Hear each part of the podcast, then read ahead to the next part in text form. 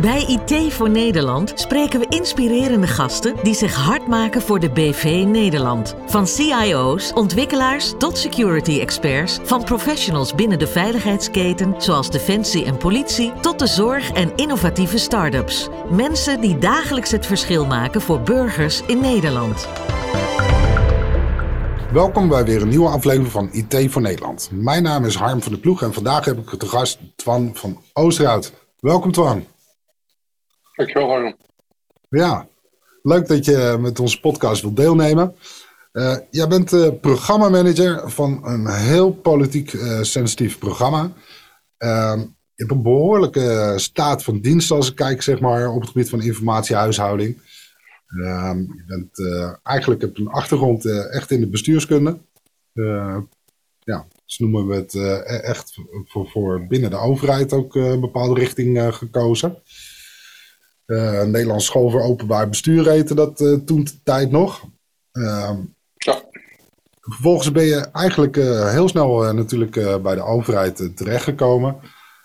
daar ehm, ja, met een uitstapje nog een keertje binnen de bankwereld. Heb je, is dat toch wel een rode draad binnen je carrière geweest. Ehm, je hebt ook heel veel binnen de veiligheidsketen gewerkt. Echt van uh, veiligheid en justitie, uh, IND, uh, maar ook Defensie, de KMAR, ehm, veiligheid en justitie, politie, you name it zou ik bijna zeggen. En op het moment zit je bij BZK, ministerie van Binnenlandse Zaken en Koninkrijkrelaties. Um, ik zei al, een behoorlijk sensitief programma waar je, waar je nu mee zit. Ehm. Uh, dat lijkt me geen uh, misselijke job uh, als programmamanager. Dat klopt.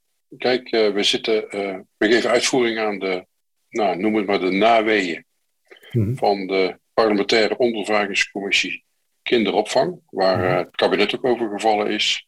Mm-hmm. Maar het kabinet vervolgens een behoorlijke bedrag voor heeft uitgekozen of uitgetrokken om in ieder geval de problemen zoals die te lagen bij de kinderopvangtoeslag, om die weg te werken.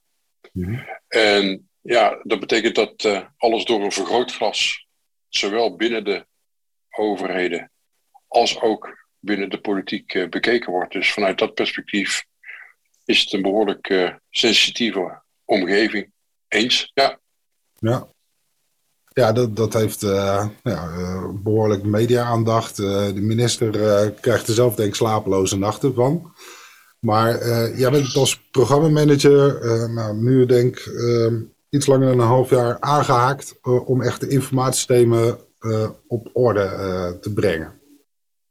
Ja, misschien is het goed om even te duiden hoe het programma Open op Orde, want zo heet het programma waar ik onderdeel van uitmaak, hoe dat een beetje in elkaar zit. Mm Er is nadat het kabinet gevallen is, is er met grote spoed is er een plan geschreven, een actieplan, mhm. waarin op basis van vier actielijnen de zaak is ingedeeld. Waarbij in actielijn 1 uh, eh, met name de mens centraal staat. In actielijn 2 met name de beleidskaders. Actielijn 3 de informatiesystemen. En in actielijn 4 de sturing op de informatiehuishouding. En ik ben dan verantwoordelijk voor de informatiesystemen voor actielijn 3. Klopt, ja. Want um, ja, we, we, hebben wel eens uh, dat, dat je van die multi-projectmanagers hebben, dat je projectmanagers met deelprojecten hebben. Maar hier heb je dus een programmadirecteur met uh, nog meer programmamanagers. Zie ik het goed? Ja, klopt. Ja, ja. ja, de, boven mij staat de programmadirecteur. Uh, Sjaap Hane is dat. Mm -hmm. Die die stuurt die vier uh, actielijnen stuurt die aan. Mhm. En ik ben een van de uh, vier actiehouders die dan programmatisch invulling moet geven aan nou ja, de actielijn 3. en ja. om even in te gaan op het, het verschil tussen in ieder geval een projectmanager met meerdere projecten, een zogenaamde multiprojectenmanager. Mm Kijk, die richt zich echt als een projectmanager op tijd product, tijd, geld. Mm -hmm. uh, waarbij het altijd ook echt af moet zijn. Uh, en of dat dan een hoofdproject is of een deelproject uh, en meerdere deelprojecten. Mm -hmm. Maar het is echt een directe projectensturing vaak conform Prins 2. Uh, ja. Als je kijkt naar een programmamanager, dan zit je veel sterker op het niveau van, goh, wat willen we bereiken mhm. Met het programma? En dat betekent dat ook de projecten die je opstart, ook niet tijdens het programma altijd tot het einde hoeven komen. Die kunnen ook nog doorlopen. En sterker nog, in een aantal gevallen lopen die ook gewoon door. Want als ik even kijk naar wat ik hiervoor gedaan heb, dat was dan bij Defensie, bij de Marge C, daar heb ik ook een programma. Informatie gestuurd optreden. Mhm. Daar lopen gewoon nog een aantal projecten door. En sterker nog, informatie gestuurd optreden is nooit af. Het zal altijd doorontwikkeld moeten blijven worden. Dus dat wil niet zeggen dat je dan die projecten niet kunt afronden en het programma op een bepaald moment niet kunt afronden, omdat het dan moet gaan inbedden in de staande organisatie. Mhm. Maar vanuit het programma probeer je vooral de integrale sturing op de veranderingen die je wil bewerkstelligen, om daar echt op te gaan sturen. En dat betekent dat je dus veel meer kijkt naar de samenhang der dingen en op welke manier je de resultaten wil gaan bereiken op de mhm. korte, middellange en de lange termijn. Ja, mij was het uh, zelf wel duidelijk wat het verschil is tussen een uh, multiprojectmanager en een, een programmamanager. Maar um, dat, dat zal niet elke luisteraar helder zijn wat, wat een programmamanager dan, dan doet. Dus, dus hoe, hoe beantwoord je zo'n vraag op de verjaardag? wat doe je dan eigenlijk? Wat ik dan dus vooral doe, is uh, kijken uh, als eerste met, uh, met de opdrachtgevers, de, de, de, hoofdopdrachtgevers, kijken van joh, wat, wat is nou je ambitie, wat wil je bereiken na, na, na x aantal jaren en vervolgens ga je dat echt in de tijd uitzetten en welke trajecten je dan allemaal moet gaan starten om die doelen te gaan bereiken. En wat je dan ook vaak ziet, is dat je met een batenmanager ook gaat werken, omdat de baten niet altijd binnen het programma, de tijdstuur van het programma vallen. En die batenmanager is dan ook vaak iemand uit de staande organisatie die dan ook die baten kan blijven volgen. Zodat je, nou ja, eh, van de ene kant heb je een business case van wat je wil bereiken. En aan de andere kant, uh, wat zijn de resultaten en komen die overeen met de business case. En dat kan dus over langere tijd gaan. Dus vanuit dat perspectief uh, ben je als programmamanager veel meer met lange termijn perspectieven en met het behalen van nou ja, ander type doelen bezig dan het fysiek realiseren van een project. Dat moet ook. Mhm. Maar je hebt wel die overkoepelende blik. En dat mhm. kan dus ook betekenen dat, het, dat je soms bij het ene project op de rem moet trappen ten favure van een ander project, omdat dat nou eenmaal ja, uh, uh, beter in de planning uitkomt en dat soort zaken. En ja, dat vinden projectleiders dan vaak niet, niet erg prettig, want die zeggen van joh, ik was aangenomen voor het project en ik heb mijn doelstellingen te halen. Maar ja, als programmamanager heb je net een, iets een wat bredere blik op wat je wil gaan bereiken en wanneer en op welke manier. Ja, die brede blik, hè? We, we, zien het ook op uh, architectenniveau, dat, dat uh, ja, het weer van belang geacht wordt dat die ook weer op de hoogte zijn van status van het programma bijvoorbeeld. Um, hoe, hoe heb je dat andersom? Heb je, hoe hang je in de organisatie? Hoe uh, hou je die brede blik? Als eerste, uh, ik ben onderdeel van de CIO Rijk. Als, ik, uh, als het gaat over het programma waar ik dan nu in zit. Uh, waarbij de CIO Rijk het, zeg maar, het programma ook faciliteert. een, van de, een van mijn opdrachten is ook het actualiseren van de architectuur van de informatiehuishouding. En daarnaast in samenwerking met de staande organisatie van de CIO Rijk moet ook de enterprise architectuur Rijk moet geactualiseerd worden. En vervolgens is het zo dat we aan de voorkant samen met de enterprise architect bepalen van oké, wat zijn nou de speerpunten die we willen halen op de lange termijn? Hoe ziet de transitie eruit en wat betekent het? Welke stappen we moeten zetten om van A naar B eh, te komen? En op die manier door periodiek van de ene kant met de architecten te overleggen van jongens, oké, hoe gaan we het, uh, het pad precies lopen? Dat ook terugkoppelend naar de opdrachtgevers onder het motto van jongens, mhm. dit is wat we binnen zoveel tijd kunnen bereiken en uh, welke stappen we dan ook moeten gaan zetten om de zaak concreet te maken.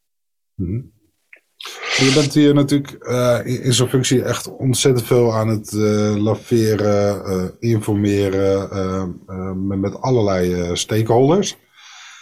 Um, zo'n programma heeft natuurlijk een duidelijke sturing. Ehm, hoe, hoe, zit je ja, qua tijd, hoe, waar, waar ben je dan precies mee bezig, zeg maar? Ja, in die zin zijn er ook nog wel verschillende soorten programma's. Want als ik, het, als ik even kijk naar het programma waar ik vandaan kom bij het ministerie van Defensie, uh, daar had ik tot op zekere hoogte op verschillende terreinen ook doorzettingsmacht om dingen voor elkaar te krijgen. Wat je bij het programma waar ik nu zit ziet, is dat het vooral een stuk sturen zonder strepen is. Ja. En wat bedoel ik daarmee? Uh, vanuit de CIO, de CIO Rijk heeft geen doorzettingsmacht bij de andere departementen of bij de grote uitvoeringsorganisaties van joh, jij moet nou dit gaan doen. Nee, vanuit de CIO Rijk ga je op basis van draagvlak en op basis van overtuiging ga je met de mensen in gesprek om ervoor te zorgen dat zij de toegevoegde waarde zien met de trajecten waar je mee bezig bent. En vanuit dat perspectief ook dat over willen nemen, omdat het grote voordelen voor ze heeft. Kortom, het what's in it for me is, speelt hier een hele belangrijke rol. Is dat dan ook uh, gewoon, gewoon echt concreet iets waar je vaak mee bezig bent, het uh, creëren van draagvlak? Of zijn andere mensen daar dan weer mee bezig? De, de beide, uh, want het is het programma Open op Orde is, is vooral een heel kort stuk creëren van draagvlak. Maar dat doe je dus ook door de goede projecten op te pakken en de goede voorzieningen neer te zetten. Om maar, daar maar eens een simpel voorbeeld van te geven. Kijk, er wordt heel veel ge-mailed uh, in, uh, binnen de Rijksoverheid. Mhm. Volgens mij is uh, de minister van Bouwen en Wonen pas geleden daar nog over in het nieuws geweest. dat hij aan het e-mailen was vanuit de privékant. Nou, ik, wij kijken vooral natuurlijk naar de, de businesskant, wat daar allemaal aan e-mail gebeurt. Mm nou ja, die e-mail die moet op een goede manier moet gearchiveerd kunnen worden. Dus dat betekent dat je aan het kijken bent op welke manier kun je de gemiddelde medewerker ondersteunen, bijvoorbeeld met een e-mailknop in Outlook, zodat ze een mailtje vrij makkelijk naar een andere applicatie kunnen brengen, waardoor het opgeslagen wordt en waar nodig voor langere tijd bewaard wordt. Ja. Dus dat zijn praktische dingen waarmee je probeert mensen te helpen en op die manier probeer je dan ook meer draagvlak te creëren van hé hey, kijk, uh, ze creëren niet alleen een hoop nieuwe gedoe-vormen, maar ze werken ook aan oplossingen, wat erg belangrijk is voor de gemiddelde medewerker. Ja, ja dat, uh, dat, dat scheelt. Als je echt praktisch nut brengt, uh, dat, dat creëer je natuurlijk al snel draagvlak. Als dingen Ja, kijk, als, als, als ik ga kijken naar actielijn 3, naar informatiesystemen, dan, dan zie je dat actielijn 3 eigenlijk drie à vier verschillende soorten thema's uh, kent. Het ene thema is van, joh, wat is nou de businessvisie op hoe de informatiehuishouding naar de toekomst eruit moet gaan zien? Mm Belangrijk daarbij is van, joh, hoe wil ik nou, hoe willen de jonge mensen zoals ze nu al werken bij de Rijksoverheid, hoe willen die ondersteund worden in de toekomst uh, op hun werkplek? Als eerste heb ik een efficiënt werkproces en met wat voor soorten applicaties wil ik mijn werk goed kunnen doen en op een makkelijke manier kunnen doen. Dat is lijn 1, thema 1. Thema 2 is van joh, eh, dat moet wel gebeuren binnen een bepaalde architectuur. Dus die, eh, wat ik net al zei, die, die architectuur moet goed geactualiseerd worden. Het thema 3 is die korte termijn waar we het net over hadden. Zo'n e-mailknop, uh, maar bijvoorbeeld ook joh, zijn alle licenties op orde? Uh, kunnen we overal nog uh, de dingen doen die we willen doen? Mm hebben we daar, is ik ook daar voldoende op voorbereid? En het derde stuk is van, joh, dan moet er een stuk regie gevoerd worden. Want, zoals vaak, begint iedereen met vol enthousiasme van alles en nog wat te ontwikkelen. Maar het mhm. moet wel goed op elkaar aansluiten. En zeker als je het hebt over het thema waar we vandaan komen, die open op orde. Dus lees de toegankelijkheid van de informatie mm de Rijksoverheid. Dat betekent, en dan ga ik een heel moeilijk woord gebruiken, interoperabiliteit. Mhm. Oftewel, ik wil met één vraag, wil ik eigenlijk, tussen aanhalingstekens, de, de complete overheid wil ik doorzoeken. Niet alleen de documenten, maar ook alle vormen van data die betrekking heeft op bijvoorbeeld een persoon. En die wil ik eigenlijk met één zoekopdracht, zou ik die allemaal boven water willen krijgen.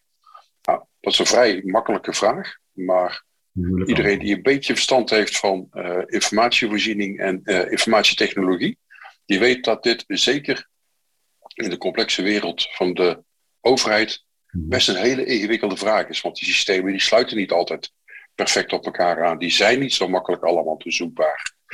En we hebben niet allemaal de Googles, uh, dan wel andere instrumenten om dat op een hele makkelijke manier naar boven te toveren.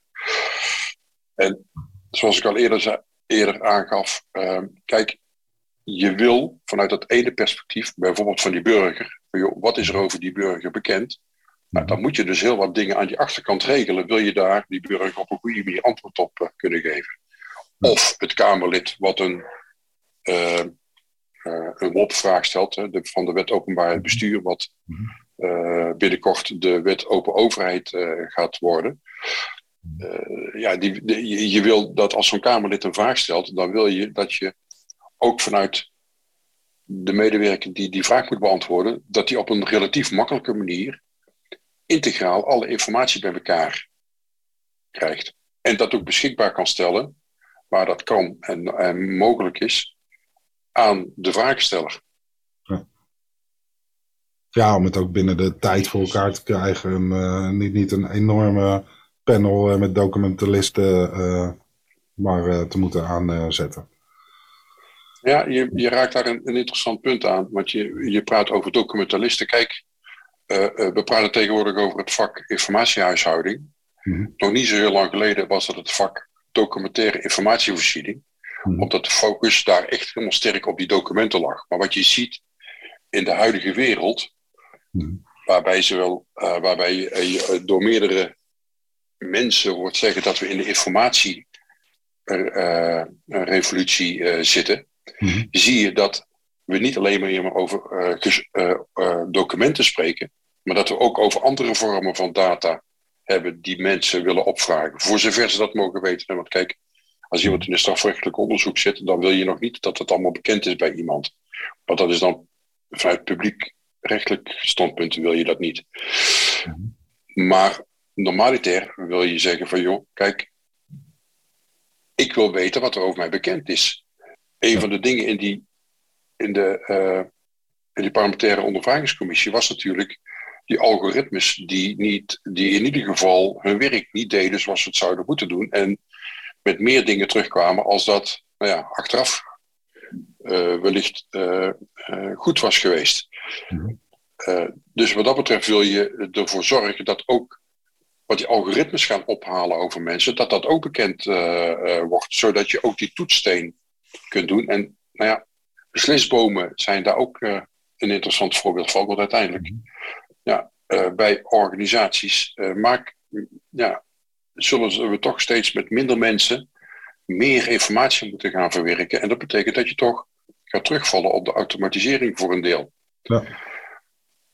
En dat maakt vervolgens weer dat je dus heel goed, heel bewust moet omgaan van joh, um, uh, dan heb ik het dus niet meer over documentalisten, maar dan heb ik het over informatieverzamelaars. Ja. Ja, en dan inderdaad de, de methodiek die je dan hanteert en uh, de, de business rules, zeg maar, uh, hoe je tot uh, een bepaalde uitkomst komt. Ja, dat is dan vaak keer, keer 10.000 of meer uitgevoerd natuurlijk binnen de overheid. En dus als je natuurlijk het begin verkeerd zet, dan, ja, dan komt je optelsom slecht uit. Nou ja, en het, en het lastige is van dit soort zaken is dat het 99, nou ja, ik zou bijna zeggen 999,9 uh, keer uh, zeker geen kwade wil is van niemand hmm. dat er verkeerde dingen gebeuren met, uh, met, met die dingen. Alleen vaak pakt het dan net anders uit en voordat je weet dat het, dat het anders uitpakt en het systeem die, die, die zuiveringsfunctie inzet hmm. van joh, dit, dit gaat verkeerd, ja, dan zijn we vaak een tijdje verder en kunnen al behoorlijk op mensen slachtoffer zijn van, ja, van dingen die je eigenlijk intrinsiek niet zou willen. Ja. Het gaat om die onverwachte, ongewenste uitkomsten die je toch wil voorkomen natuurlijk. En Um, dan, dan, zit ik gelijk hard op te denken. Je hebt natuurlijk ook best wel veel uh, ervaring opgebouwd. Uh, um, ja, hoe omgaan we het in de keten met straffen, dat, dat soort dingen. Maar ook voor wat betreft informatiegestuurd optreden bij inderdaad de KMAR, maar ook politie, dat, dat soort organisaties. Dan ben je natuurlijk ook altijd op zoek, tenminste in die keten zeg maar, naar um, ja, ongebruikelijk gedrag dus de standaard gedragingen.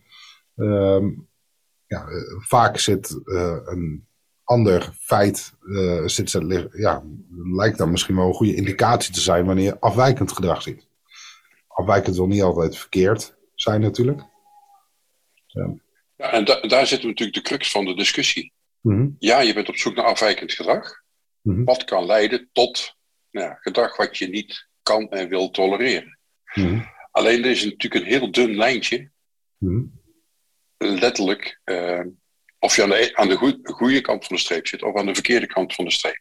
Ja. En wat zelfs aan de goede kant van de streep begint, kan ook aan de verkeerde kant van de streep eindigen, om het zo maar te zeggen. En dat is gewoon heel erg lastig. En daarom is het ook goed, vind ik, vanuit persoonlijk perspectief, dat er een duidelijke keuze is gemaakt voor een transparantere overheid, die hmm. veel beter controleerbaar is want daarmee kun je dit soort excessen veel meer voorkomen.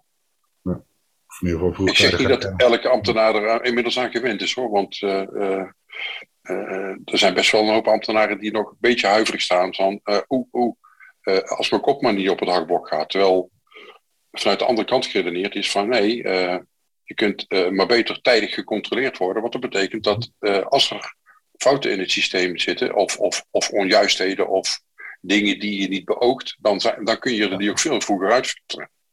Ja, nou ja, dat, dat is natuurlijk sowieso een beetje lastig, hè? zeker in dit programma, denk ik. Enerzijds is er iets natuurlijk uh, fout gaan, maar wel op dusdanige wijze fout gaan. En ook een tijd lang genegeerd dat er ook gewoon ja, zoveel leed is ontstaan, waardoor ook mensen gewoon zullen, of die schreeuwen gewoon letterlijk om, om het rollen van koppen. Terwijl je, als je kijkt natuurlijk naar de gedragsverandering en alles wat je wil creëren, is het ja, uh, misschien niet heel constructief om daar natuurlijk heel veel aandacht uh, op te leggen bij, bij je uitvoering van je programma. Want dan krijg je natuurlijk dat controle ehm, die, die je moet inbouwen, ja, minder snel draagvlak voor, lijkt mij. Nou ja, kijk, even, even voor, de, voor de scherpte van de discussie. Mhm. Kijk, ik, ik, natuurlijk de mensen zijn bij wijze van spreken dagdagelijks op tv als het gaat over het schreeuwen om uh, herstel van, van het vertrouwen, herstel van de schade die ze hebben opgelopen. Hmm. Gelukkig hoef ik me daar niet mee bezig te houden en wil ik me ook niet mee bezighouden, want terecht zoals jij zei, ik moet me vooral concentreren op hoe ga ik zorgen dat het naar de toekomst toe niet opnieuw gaat gebeuren en dat soort zaken. Dus dat, daar zit gelukkig een goede, een goede scheiding in. We hebben daar ook een hele leuke eh, podcast uh, over gehouden met uh, iemand van de Hogeschool Rotterdam, die een uh, opleiding vormt geeft en daarbij ook echt heel de nadruk legt op ethiek binnen big data. Omdat je toch ziet dat ja, steeds meer natuurlijk, net wat je zegt, hè, een informatierevolutie, we hebben het over datagedreven werken, er is een enorme berg aan data die ja, steeds sneller toeneemt eigenlijk en op uh, ons afkomt via allerlei kanalen. Waar je uh, wegwijs uh, dient binnen te blijven. Dus inderdaad steeds meer gaat automatiseren, steeds meer algoritmes.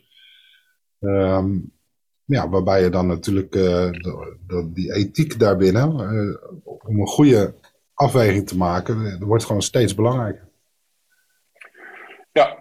Waarbij ik wel moet zeggen, kijk, ik loop inmiddels al een paar jaar rond uh, op mhm. deze aardkloot, om het zo maar te zeggen. Mm. Uh, uh, en ruim 40 jaar werkzaam in en om de, de overheid. Toen ik begon, hadden we al deze, deze uitdagingen hadden we niet.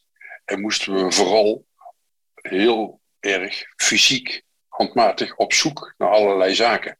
Mm. Toen ik bij de politie zat, als je dan een opsporingsonderzoek had, ja, dan was het echt het edele ouderwetse recherchewerk Mhm. Van mensen horen en proberen op basis van papier allerlei data, uh, wat we tegenwoordig dan data noemen, want dan was het nog gewoon tekst, mhm. om die bij elkaar te harken. In die zin word je natuurlijk op dit moment op alle mogelijke manieren wel geholpen.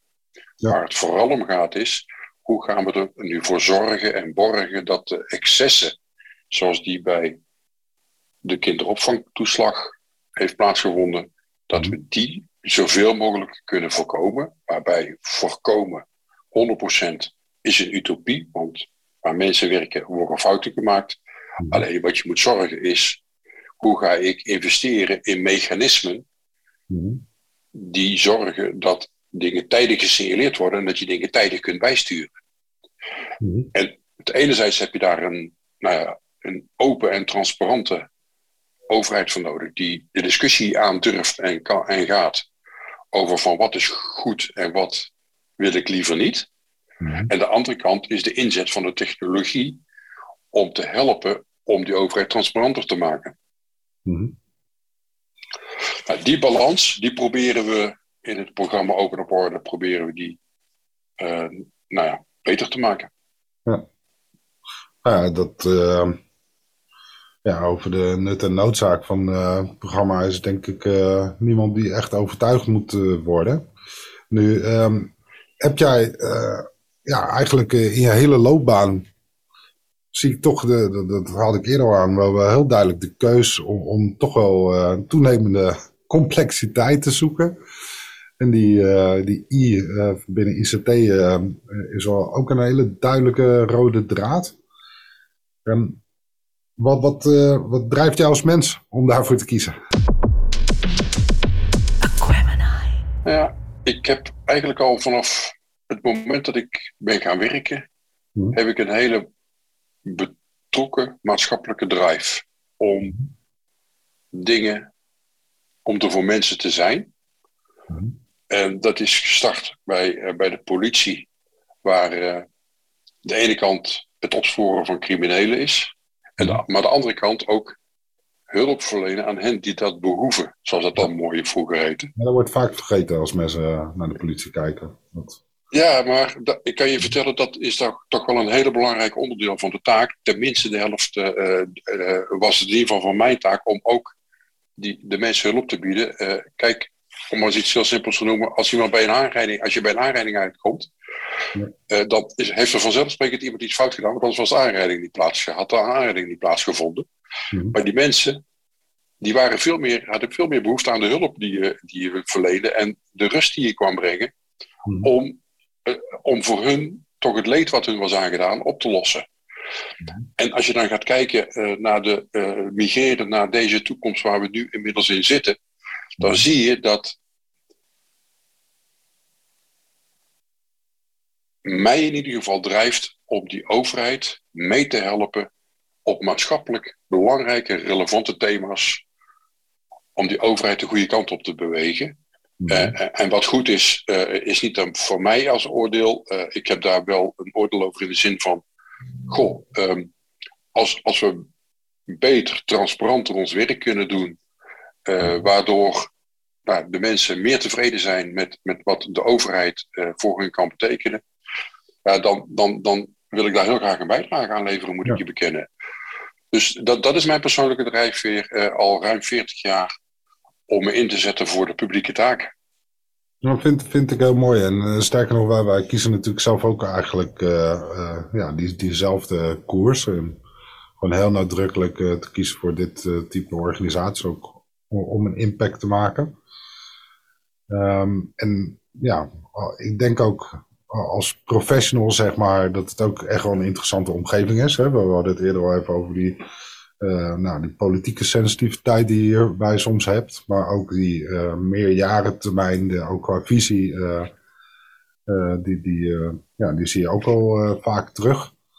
Maar ook de, de schiere grootte en ook de hoeveelheid mensen die het raakt qua, impact in potentie. Ehm, dat maakt het ook dat uh, ja, er soms een ander uh, belang ook uh, aan te hechten is. Um. ja, en dat is de ene kant. En de andere kant is wat je ziet is, want je, je refereerde net aan van, goh, mijn, mijn loopbaan. Migreert steeds meer naar het, complexe problemen oplossen. Mhm. Dat is natuurlijk ook zo, want ik, naarmate je meer ervaring krijgt in de overheid, zie je die buitengewoon complexe verwevenheid mhm.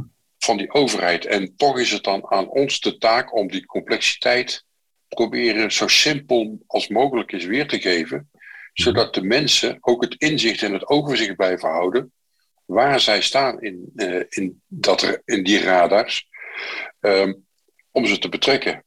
Mm Ik gebruik wel eens het voorbeeld, kijk, um, en, en, dat is waar ik nu bijvoorbeeld concreet mee bezig ben. Als je nu naar de architectuur, de enterprise architectuur rij kijkt, uh, dan zie je, dat is, die is bijna erg monolithisch opgesteld. Die mhm. kijkt naar, nog naar de overheid als een, nou, noem het zeggen, als een eenheidsworst.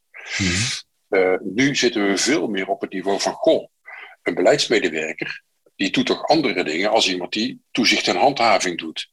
Of iemand die in de uitvoering zit en beschikkingen uh, maakt. Dus zo kun je op basis van werkprocessen kun je ook een ander type onderdeel ma uh, verdeling maken. Van, op welke manier zouden die mensen nou makkelijker ondersteund kunnen worden, zodat ook de middelen die je daar dan voor beschikbaar hebt, beter gebruikt zouden kunnen worden, waardoor we interoperabiliteit weer uh, voor elkaar kunnen krijgen. Kijk, want, want in alle eerlijkheid, als in een uitvoeringsorganisatie, en dat klinkt misschien een beetje gek, maar toch is het wel zo. Kijk, bij de IND maken ze eh, beslissingen over asielzoekers en andere vreemdelingen. Uh, bij VWS doen ze vaak subsidiebeschikkingen. Bij de UWV heb je weer andere type beschikkingen die er gemaakt worden. Maar wat die allen bindt, Mhm. Is dat ze allemaal werken vanuit het algemene wet bestuursrecht.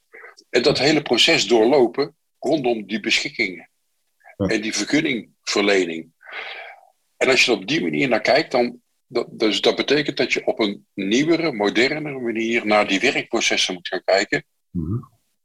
En op welke manier die processen dan het beste ondersteund kunnen worden. En dan nog kun je tot de conclusie komen dat je dezelfde ondersteuning, tooling, applicaties nodig hebt om dat werk te ondersteunen, maar misschien wel op hele andere momenten in het proces. Mhm. En op die manier die zaken op een betere manier opknippen, mm zorgt ook veel meer draagvlak en herkenning bij de mensen die daarmee moeten werken. En op die manier zien ze waarschijnlijk ook veel beter en veel makkelijker het nut waarom ze ook niet alleen die beschikking moeten maken, maar ook dat het ook goed bewaard wordt naar de toekomst toe. Ja. En als je, als je kijkt, hè, want, je hebt uh, meer complexe uh, programma's uh, gehad, ook ja, verschillende jaren aan sommige programma's gewerkt.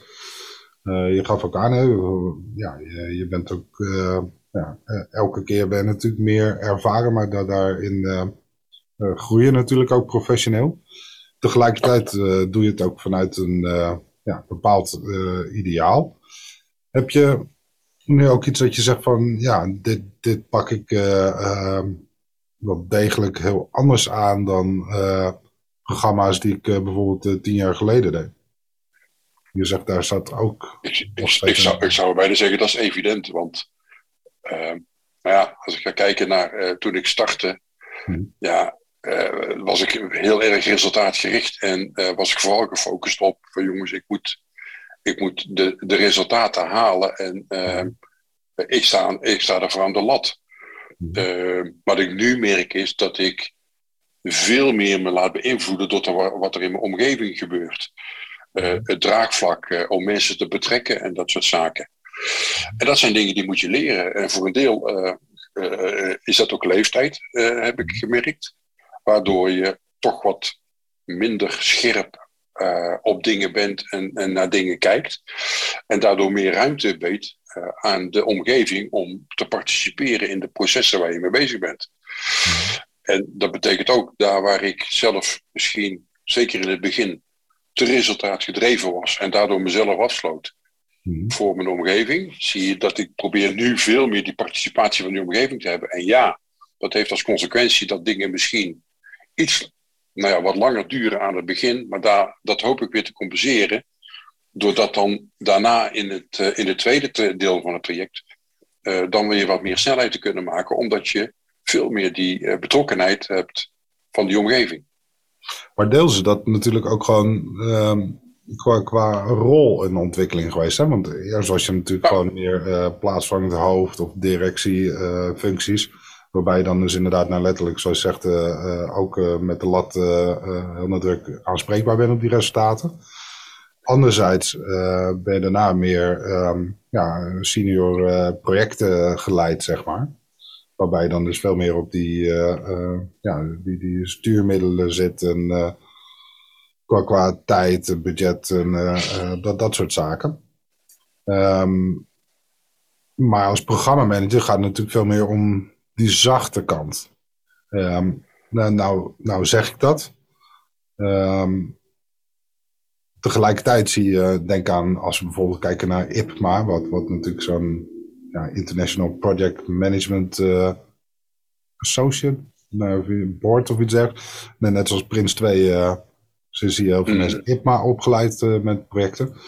Dan zie je natuurlijk ook als je, daar, daar zie je uh, onderscheid in, in niveaus. Waarbij je met uh, IPMA B zoek je al behoorlijk het verandercomponent. En daar ben je dus ook al meer op zoek naar verdieping. Het is niet meer een simplistisch project te leiden. Um, en dan kom ik weer op het onderscheid het project-programma. Mm.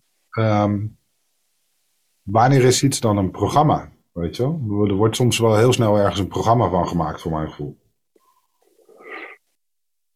Nou ja, een programma is wat mij betreft iets wat je dus echt langdurig in de tijd uitzet. Mhm. Omdat je een verandering uh, teweeg wil brengen die je niet in een relatief korte tijd, want een project is altijd in een relatief korte tijd, het liefst binnen een jaar wil je project wil je afgerond hebben van kop tot staart. Maar een programma is echt een meerjarig uh, programma, omdat je niet alleen een aantal projecten binnen dat programma wil realiseren, maar je wil ook die verandering tot stand brengen bij de mensen. En, en, en die elementen maken iets dat het echt een programma is. En, en je moet dan ook die samenhang tussen die, die zaken op een hele goede manier proberen te bewaken en neer te zetten. Zodat mensen ook snappen met welke beweging je bezig bent en wat, nou ja, eh, eh, en welke plaats binnen het programma zij dan ook innemen. Om ervoor te zorgen dat je ze ook echt kunt meenemen. Want ja, zoals we allemaal weten uh, in, uh, in de organisatiekunde, uh, zeker als we aan het veranderen gaan. Ja, kijk, we hebben 20% voorlopers, we hebben 80, 60% middenmoot en nog 20% achterblijvers. Ja het is wel belangrijk dat we minimaal met, met die 80% uh, eh, op een goede manier die verandering doormaken. Om daarna de volle aandacht aan die 20% te kunnen gaan geven. Ja. Die laatste 20%.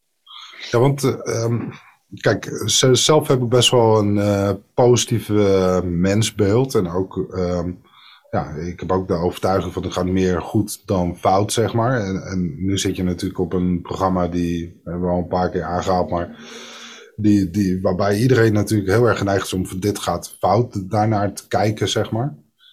Um, waarbij me best wel, uh, enerzijds wil je uh, verandering teweeg brengen en uh, wil je zelf natuurlijk op een gegeven moment ook op je schouder kunnen kloppen van nou, dat, dat het mooi bereikt gaat goed. Maar in de praktijk is het vaak wel dat je dan jaren bezig bent en sommige dingen heel stroperig gaan. Um, ja, Um, hoe hou je jezelf daarin in staande? Ja, kijk, het belangrijkste is dat je continu voor jezelf de balans moet opmaken of je nog een toegevoegde waarde bent voor zo'n programma. Mm -hmm. En dat je het verschil kunt maken. Mm -hmm. En wat bedoel ik daarmee? Kijk, voor mij is, uh, is mijn toegevoegde, toegevoegde waarde geslaagd. Als ik nadrukkelijk kan zeggen van, goh, ik ben met een beweging bezig, die is eigenlijk niet meer terug te draaien. Mhm. Die, ook al zou ik er nu uitstappen, dan gaat die beweging toch door. Want uh, mensen zijn intrinsiek van zichzelf gaan geloven, oké, dit zijn de goede dingen. Kijk, en mhm. laat één ding helder zijn, ik ben van hetzelfde positieve mensbeeld uh, soort Harm.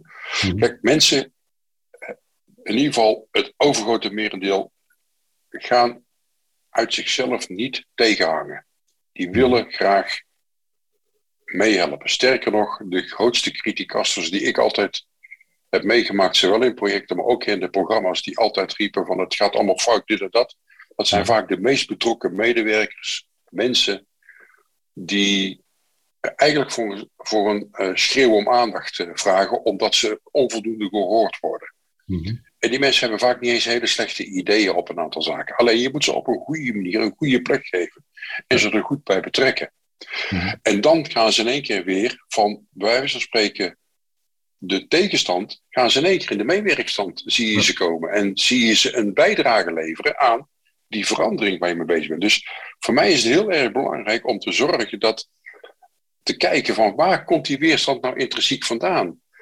Mhm. De, heel vaak is het ook zo dat mensen die tientallen jaren exact hetzelfde hebben gedaan, die in één keer iets volstrekt nieuws boven hun hoofd zien hangen, die zien dat als een bedreiging. Nou ja, om dan die mensen mee te nemen in het feit dat het geen bedreiging meer is, maar dat het een kans is voor ze. Mhm. Dat klinkt eenvoudig, maar dat is het absoluut niet. Laat ja, het even helder nee, zijn. Zeker niet. Maar wat ik ook in de praktijk vaak uh, uh, hoor of merk, is dat mensen. Uh, hè, want het is eh, niet altijd zo dat ze inderdaad eh, al twintig jaar hetzelfde doen. Maar dat ze al tijdens die twintig jaar al luttele keren is verteld van nee, je moet het anders doen. En dan komt iemand aan en die is van een bekend managementbureau, zullen we maar zeggen. En die zegt van vandaag gaan we het anders doen. En dan hebben ze een paar workshops en dan zeggen ze van nou, het is net alsof we stappen even op het treintje. En dan gaat die persoon weer weg en dan appt dat gewoon weer weg. Dan gaan we daarna weer alles lekker doen zoals we het alweer deden. En dat ze dan ook een beetje met argus ogen aankijken van ja, gaan we dat nou weer de treintje krijgen? We laten het wel gewoon even voorbij varen. Maar daarom is het dus ook heel erg belangrijk om die mensen mee te nemen in waarom je de dingen doet. Mhm. En waarom die verandering ook echt nodig is. Want nogmaals, ik durf te beweren dat niemand binnen die hele toeslagaffaire waar we het over hebben, dat die intrinsiek gemotiveerd zou zijn om die mensen in het verkeerd dak te stellen. Dat is niet zo. De dingen zijn zo gegroeid. En misschien zijn de, de, de sensoren uh, onvoldoende op tijd opgekomen. Uh, maar nu is het erg belangrijk om ervoor te gaan zorgen dat die dingen dus structureel wel gaan veranderen. In de zin van dat mensen open gaan staan uh, als er kritiek geuit wordt of opmerkingen gemaakt worden. Van jongens, let op, zitten we nog steeds op het goede spoor en zijn de dingen waar we bezig zijn, zijn, dan, zijn dat de goede dingen waarmee je datgene wil bereiken. Mhm. Eh, eh, wat je ook met elkaar hebt vastgesteld van tevoren dat je dat wil bereiken. Of hebben we, nou ja, zoals dat dan vaak in vaktermen heet, hebben we te veel bijvangst. Waardoor ehm, eh, we nou eigenlijk het, het sleepnet te ruim hebben opengezet. Ja, dus de scope te breed en dan. ja, ja, ja, ja. En ehm, nu, nu ben je er dus van, uh, ja, van, van het leiden van projecten naar het leiden van programma's eigenlijk ook gaan. Um, nu, um, ja, eh, is, is dat een logische stap? Want het is niet zo dat uh, echt, denk ik, of vind ik, de, dezelfde competenties gevraagd zijn. Maar sterker nog, je hebt andere competenties nodig en je moet het ook leuk vinden. Kijk, ik kom genoeg mensen tegen in mijn omgeving die echt zeggen voor Jotwan, ik wil absoluut geen programmamanager worden, want ik, ik wil een duidelijk doel hebben, ik wil afgebakend product, mhm. tijd, geld, hoppakee, dat ik kan, mijn, mijn ding kan doen. Ja. ja. ik vind het net leuk om in die meer complexe, ongewisse uh, omgeving uh, mijn werk te doen. Uh, en daar het, nou ja, het politiek-bestuurlijke spel, zoals dat dan mooi heet, om dat te spelen en daarmee wel de resultaten te behalen. Maar vervolgens wel die projectleiders de kans en de ruimte te geven om hun ding te doen en hun resultaten ook neer te zetten. Want uiteindelijk, met die resultaten van die projectleiders, heb je wel die verandering, ga je ondersteunen mhm. om ook die doelen te bereiken. Dus, dus uh, beide zijn nodig, maar voor beide heb je andere competenties nodig. En wil dus niet altijd zeggen dat de ene de andere competenties wil hebben, CQ heeft, dan wel wil ontwikkelen. Ja. Nee, daar, uh, ik, ik uh, ja, herken dat ook. Maar het is wel zo, naarmate je ehm, hoger komt in dat, ja, in dit geval in, ja, een bepaald abstractieniveau bijna, is het de kunst om het natuurlijk niet abstract te houden. We hadden het eerder over, inderdaad, uh, noemde je zelf al inderdaad de business case. Uh, oog houden op die baten is heel erg belangrijk. Ehm, ja, nou, nou, zijn er natuurlijk methodes hè, om dat, dat soort requirements en dat soort dingen te definiëren. Um, hoe staat het daarmee als we kijken naar de, de I, uh, meer datagedreven werken? Dat, dat, dat klinkt heel, ja, heel als zachte doelen. Hoe maak je dat uh, meetbaar? Nou ja, wat, wat, wat mij betreft um, zou het nog meer kunnen. Um, maar je moet wel beseffen dat we natuurlijk van een eindje komen. En mhm. het meer datagedreven werken is toch zijn nieuw, uh, relatief gezien nieuwere inzichten in de complexe wereld uh, waarin we zitten. Mhm. Waardoor voor een groot aantal mensen dat de wereld nog veel complexer is geworden, omdat ze niet alleen een focus hoeven te hebben op die documenten, maar dus op die bredere data. Omdat je data gedreven wil gaan werken. Dat betekent ook dat een aantal basisvoorzieningen ook op orde moeten zijn. En wat je ziet is dat dat vaak nog, wel eens een ondergeschoven kindje is op een aantal plekken. Ehm, want ja, ik bedoel, als ik met hele grote hoeveelheden data aankom, dan moet ik daar wel ergens op kunnen landen. En moet ik daar een goede tooling voor hebben om dat, om dat goed voor elkaar te kunnen krijgen. Ik moet bekennen dat uh, uh, ik alle methodieken, zoals die op dit moment allemaal uh, in zwang zijn, uh, allemaal respecteer. Mhm. Maar ik moet eerlijk bekennen dat ik nog wel steeds van het edele ouderwetse handwerk ben, van de poten in de klei ook wil zijn. Mhm. Onder het motto, uh, joh, uh, die business die weet mij heel goed te vertellen wat zij willen en waarom ze de dingen willen. En daar moet je wel echt goed naar luisteren. En dat je dan vervolgens dat naar een me methodisch vertaalt naar iets wat door IT-leveranciers goed vertaald kan worden naar, naar een applicatie, niks mis mee. Maar je moet wel de eerste basisvaardigheid hebben om goed naar die business te kunnen en willen luisteren. Wat hebben zij nodig om goed hun werk te kunnen doen? En daar zie ik nog wel eens een keer de methodologie, fetischisten, uh, uh, iets te snel en te ver doorschieten. want dan is de methode in één keer heilig. Terwijl ik denk van ja, even wachten vrienden. Eerst even goed luisteren wat we met elkaar willen. En dat je dan de goede methodes erop gaat loslaten, niks mis mee. Maar eerst luisteren en kijken wat, wat is nou de kern waar, wat we met elkaar willen doen? Ja. En daarvoor moet je, uh, zeker als je het hebt over mensen zoals ik, dan betekent dat je gewoon naar die werkvloer zelf ook af en toe mee terug moet. Mm Onder het motto, uh, ik wil voeding blijven houden met hoe ze hun werk doen. Kijk, um, hoe een politieagent zijn werk doet, ik, dat is inmiddels 40 jaar geleden dat ik in, die, in dat vakgebied zat. Dus ik uh, moet dan toch weer een paar, keer een paar dagen dan bij wijze van spreken of een dag meelopen uh, met zo iemand om, om, weer een beetje goed gevoel te krijgen op het, hoe het werkt. Ik had zelf voor een beschikkingenfabriek. Hè. Uh, ik heb bij de INE gewerkt. Daar heb ik zelf ook beschikkingen gemaakt voor asielzoekers en voor andere vreemdelingen. Maar ja, um, dat is even geleden. Zijn toch wel, dat is toch wel weer even geleden. Dus, dus wil je daar wel weer over mee kunnen praten, moet je toch weer eens even goed om de hoek gaan kijken van jongens, waar lopen jullie in de moderne wereld dan tegenaan? Uh, om die beschikking op een goede manier uh, voor elkaar te krijgen. En uh, om te voorkomen dat je zelf ook gaat vastlopen in een hokje, maar waarin je zelf ben, tussen aanhalingstekens bent blijven hangen. en om ook de goede discussie en communicatie met je omgeving te blijven houden, moet je natuurlijk wel zorgen dat je ook echt bijblijft en weet waar je over praat. Want ja, eh, ik moet eerlijk bekennen, er is een tijd geweest, een aantal jaar geleden, uh, hadden we het over generalisten en specialisten. Mhm. En we hadden leidinggevenden die hoefden echt niet te weten waar het over ging, want je kon al alles leiding geven.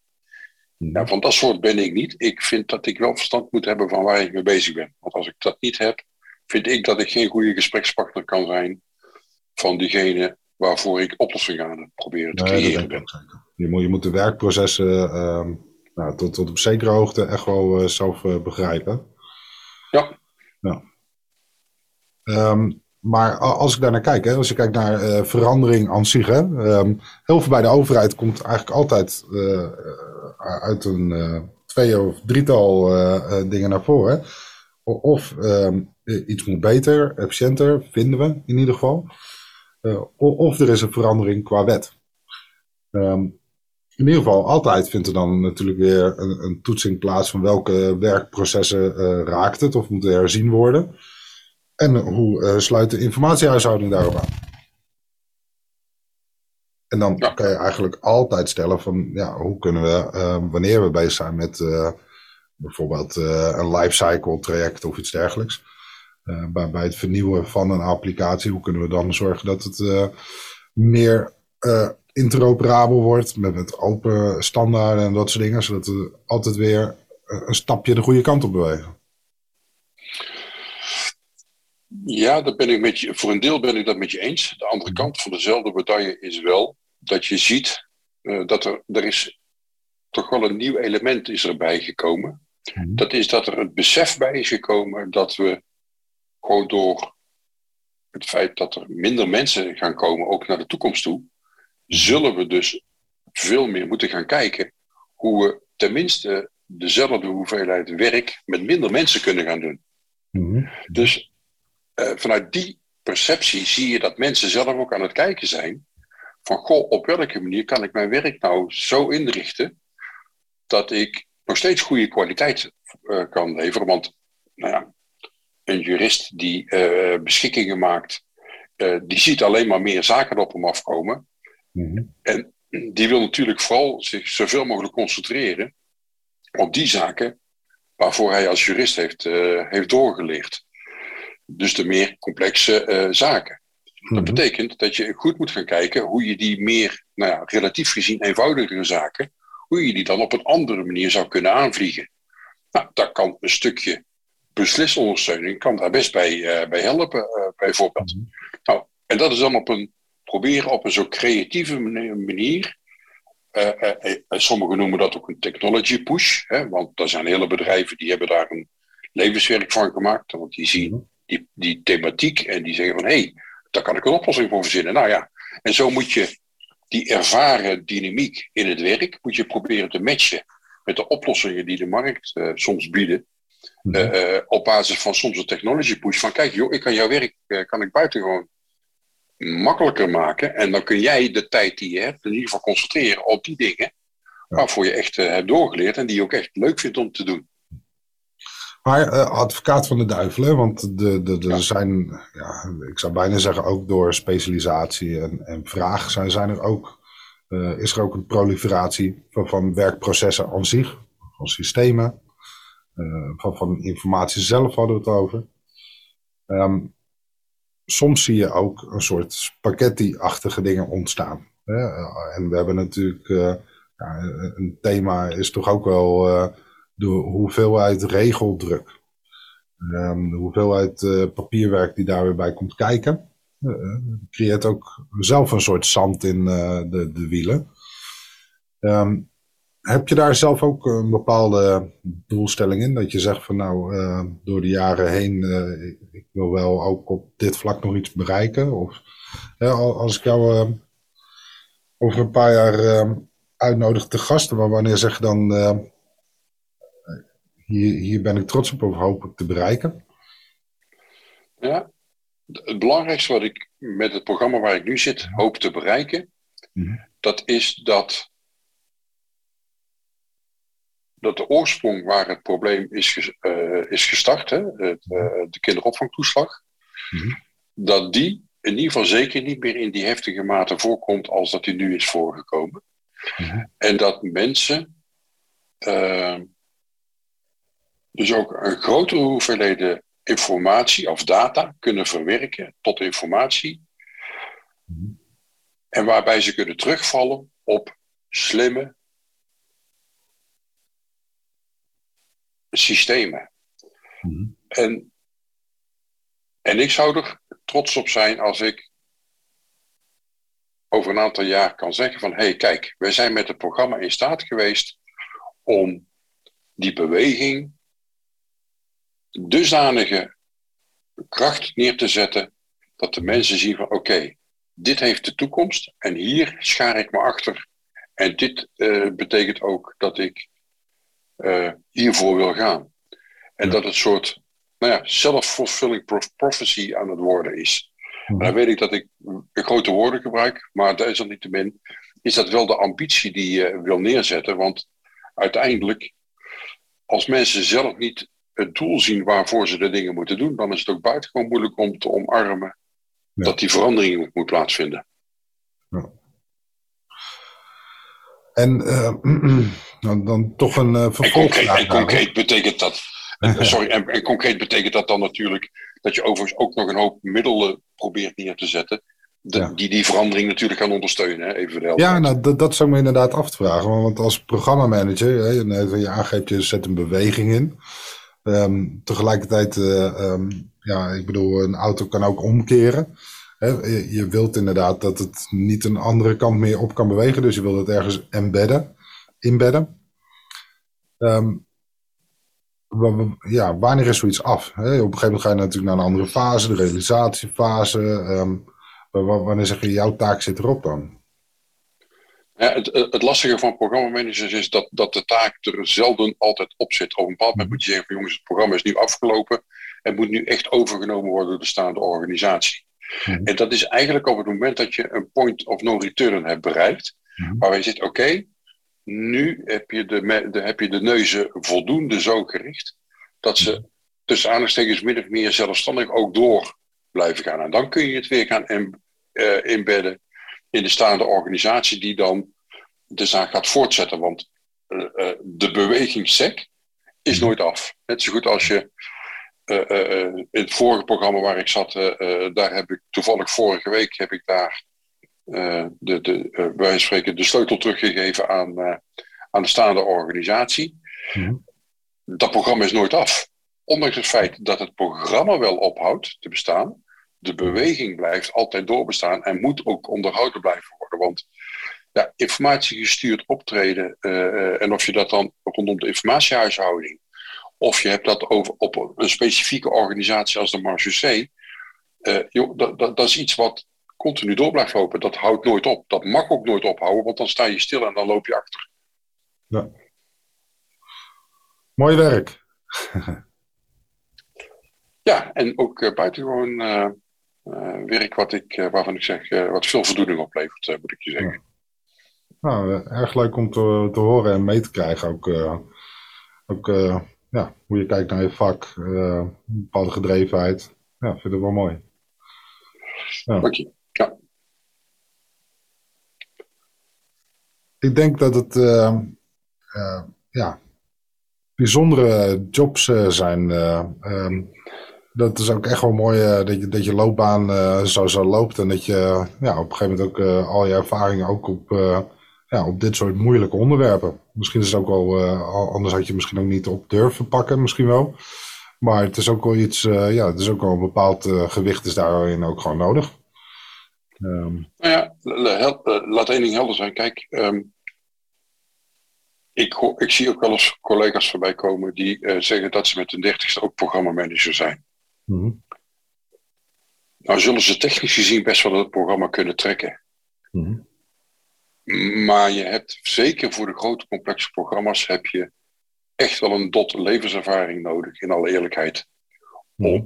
dit ook tot een goed einde te brengen en uh, dat voor, uh, neer te zetten. Eh, tenminste, dat is zoals ik het zelf in ieder geval ervaar. Klopt. Ja. als we dan weer komen naar het stukje projectmanagement, programmamanagement.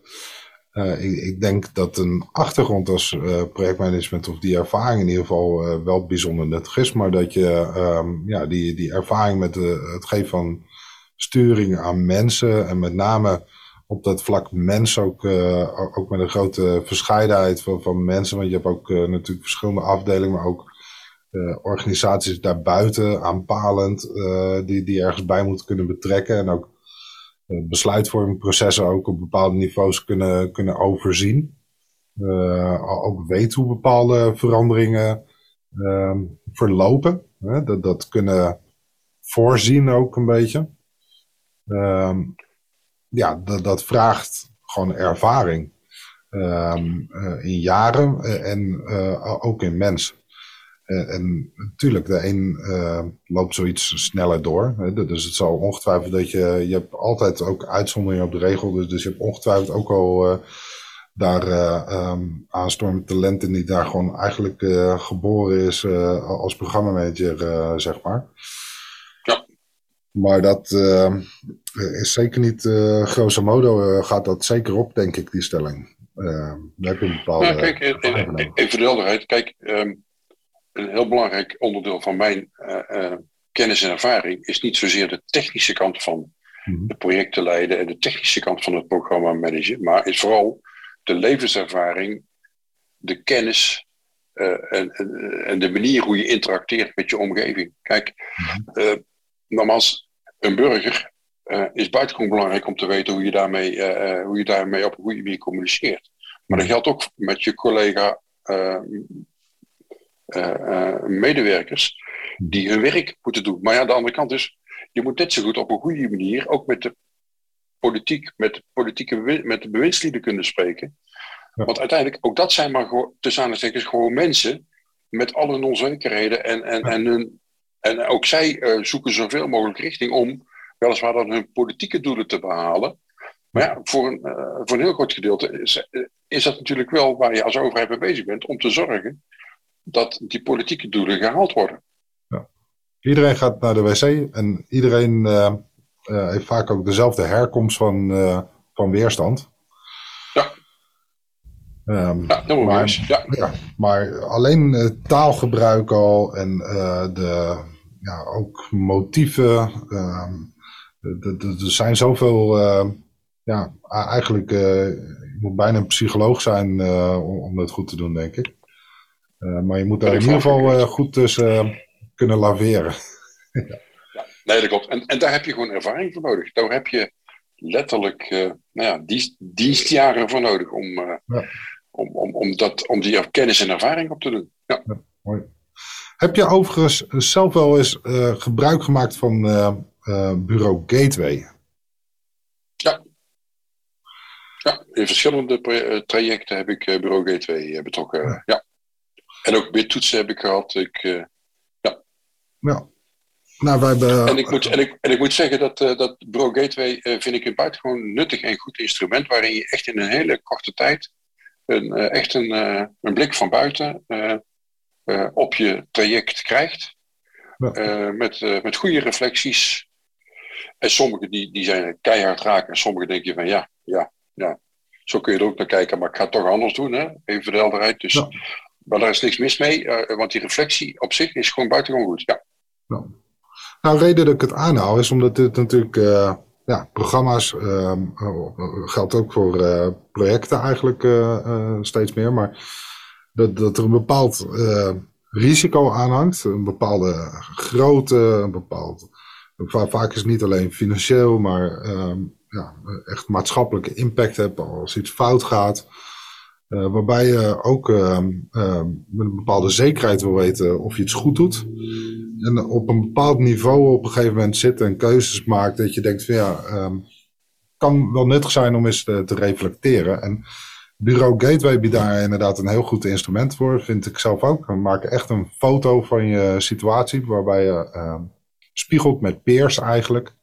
Die kijken naar jouw situatie en geven ook, ook in een setting vol vertrouwen. Uh, het, is niet publiek, het is niet dwangmatig, het is echt heel erg uh, ja, facultatief eigenlijk.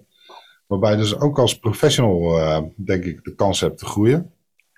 Um, ja, en, en heel erg belangrijk, ze komen met adviezen ja. die jou helpen om, om een volgende stap te zetten. Of in ieder geval tenminste verfrissend zijn om een keer op een andere manier tegen de dingen aan te kijken als waar jij zelf misschien zelf in, vastgelopen bent. Dus wat mij betreft, uh, en uh, dat was overigens ook initieel hoe het bureau eh, ICT-toetsing ooit is gestart. Inmiddels zijn ze meer, althans laat ik zo zeggen, de, de, de, de, projecten die ik heb meegemaakt, zijn, zijn ze meer auditors als ja. uh, helpen van jongens, dit is, hier zou je op een andere manier ook naar kunnen kijken. Ja. Hey, een bureau Gateway heeft, ja, ik zelf erken dat ook wel, dat het echt gewoon een heel mooi instrument is. We hebben daar dus ook met de grondlegger van een aflevering opgenomen. Oké. Die, die, die publiceren we binnenkort. Ehm, maar dit is ja, ook al een hele mooie aflevering. Ja, nee, wat mij betreft is dat in ieder geval een instrument wat je als programmamanager zeker kunt gebruiken. Eh, want eh, je hebt er heel veel uh, heel waardevolle dingen aan. Dus nee, het is een hele goede input die je krijgt. Ja, leuk. Hey Twan, ik ga jou bedanken. Volgens mij kunnen we heel lang doorpraten. Zeker nou, wat je zei, jouw uitdaging is ook nooit helemaal klaar. Maar ehm, ik denk dat je nuttig werk doet. En zeker wanneer je met ja, open overheid en dat, dat soort dingen ehm, ja, we zijn allemaal ook burger. En daar heeft iedereen wel behoefte aan, denk ik. En ehm, ik denk dat het hele mooie bewegingen zijn als je die, eh, die goed kan zetten. En daar, uh, daar, speel je denk ik een uh, onmisbare rol in inmiddels. Dus dat nou, wordt gewaardeerd, ook uitspreken. En ehm, ik hoop dat je daar ook ja, ook een goede dienstbewijs weer. ja, we gaan, uh, we, we, gaan, we gaan weer ons stinkende best doen om uh, ook hier een, een, een, mooi succes van te maken. Ja, nou, ik vond het heel leuk je te gast te hebben. En uh, wij spreken elkaar offline wel weer. En hartstikke bedankt. En, en, jij, en jij succes met je podcast. Ja, dankjewel.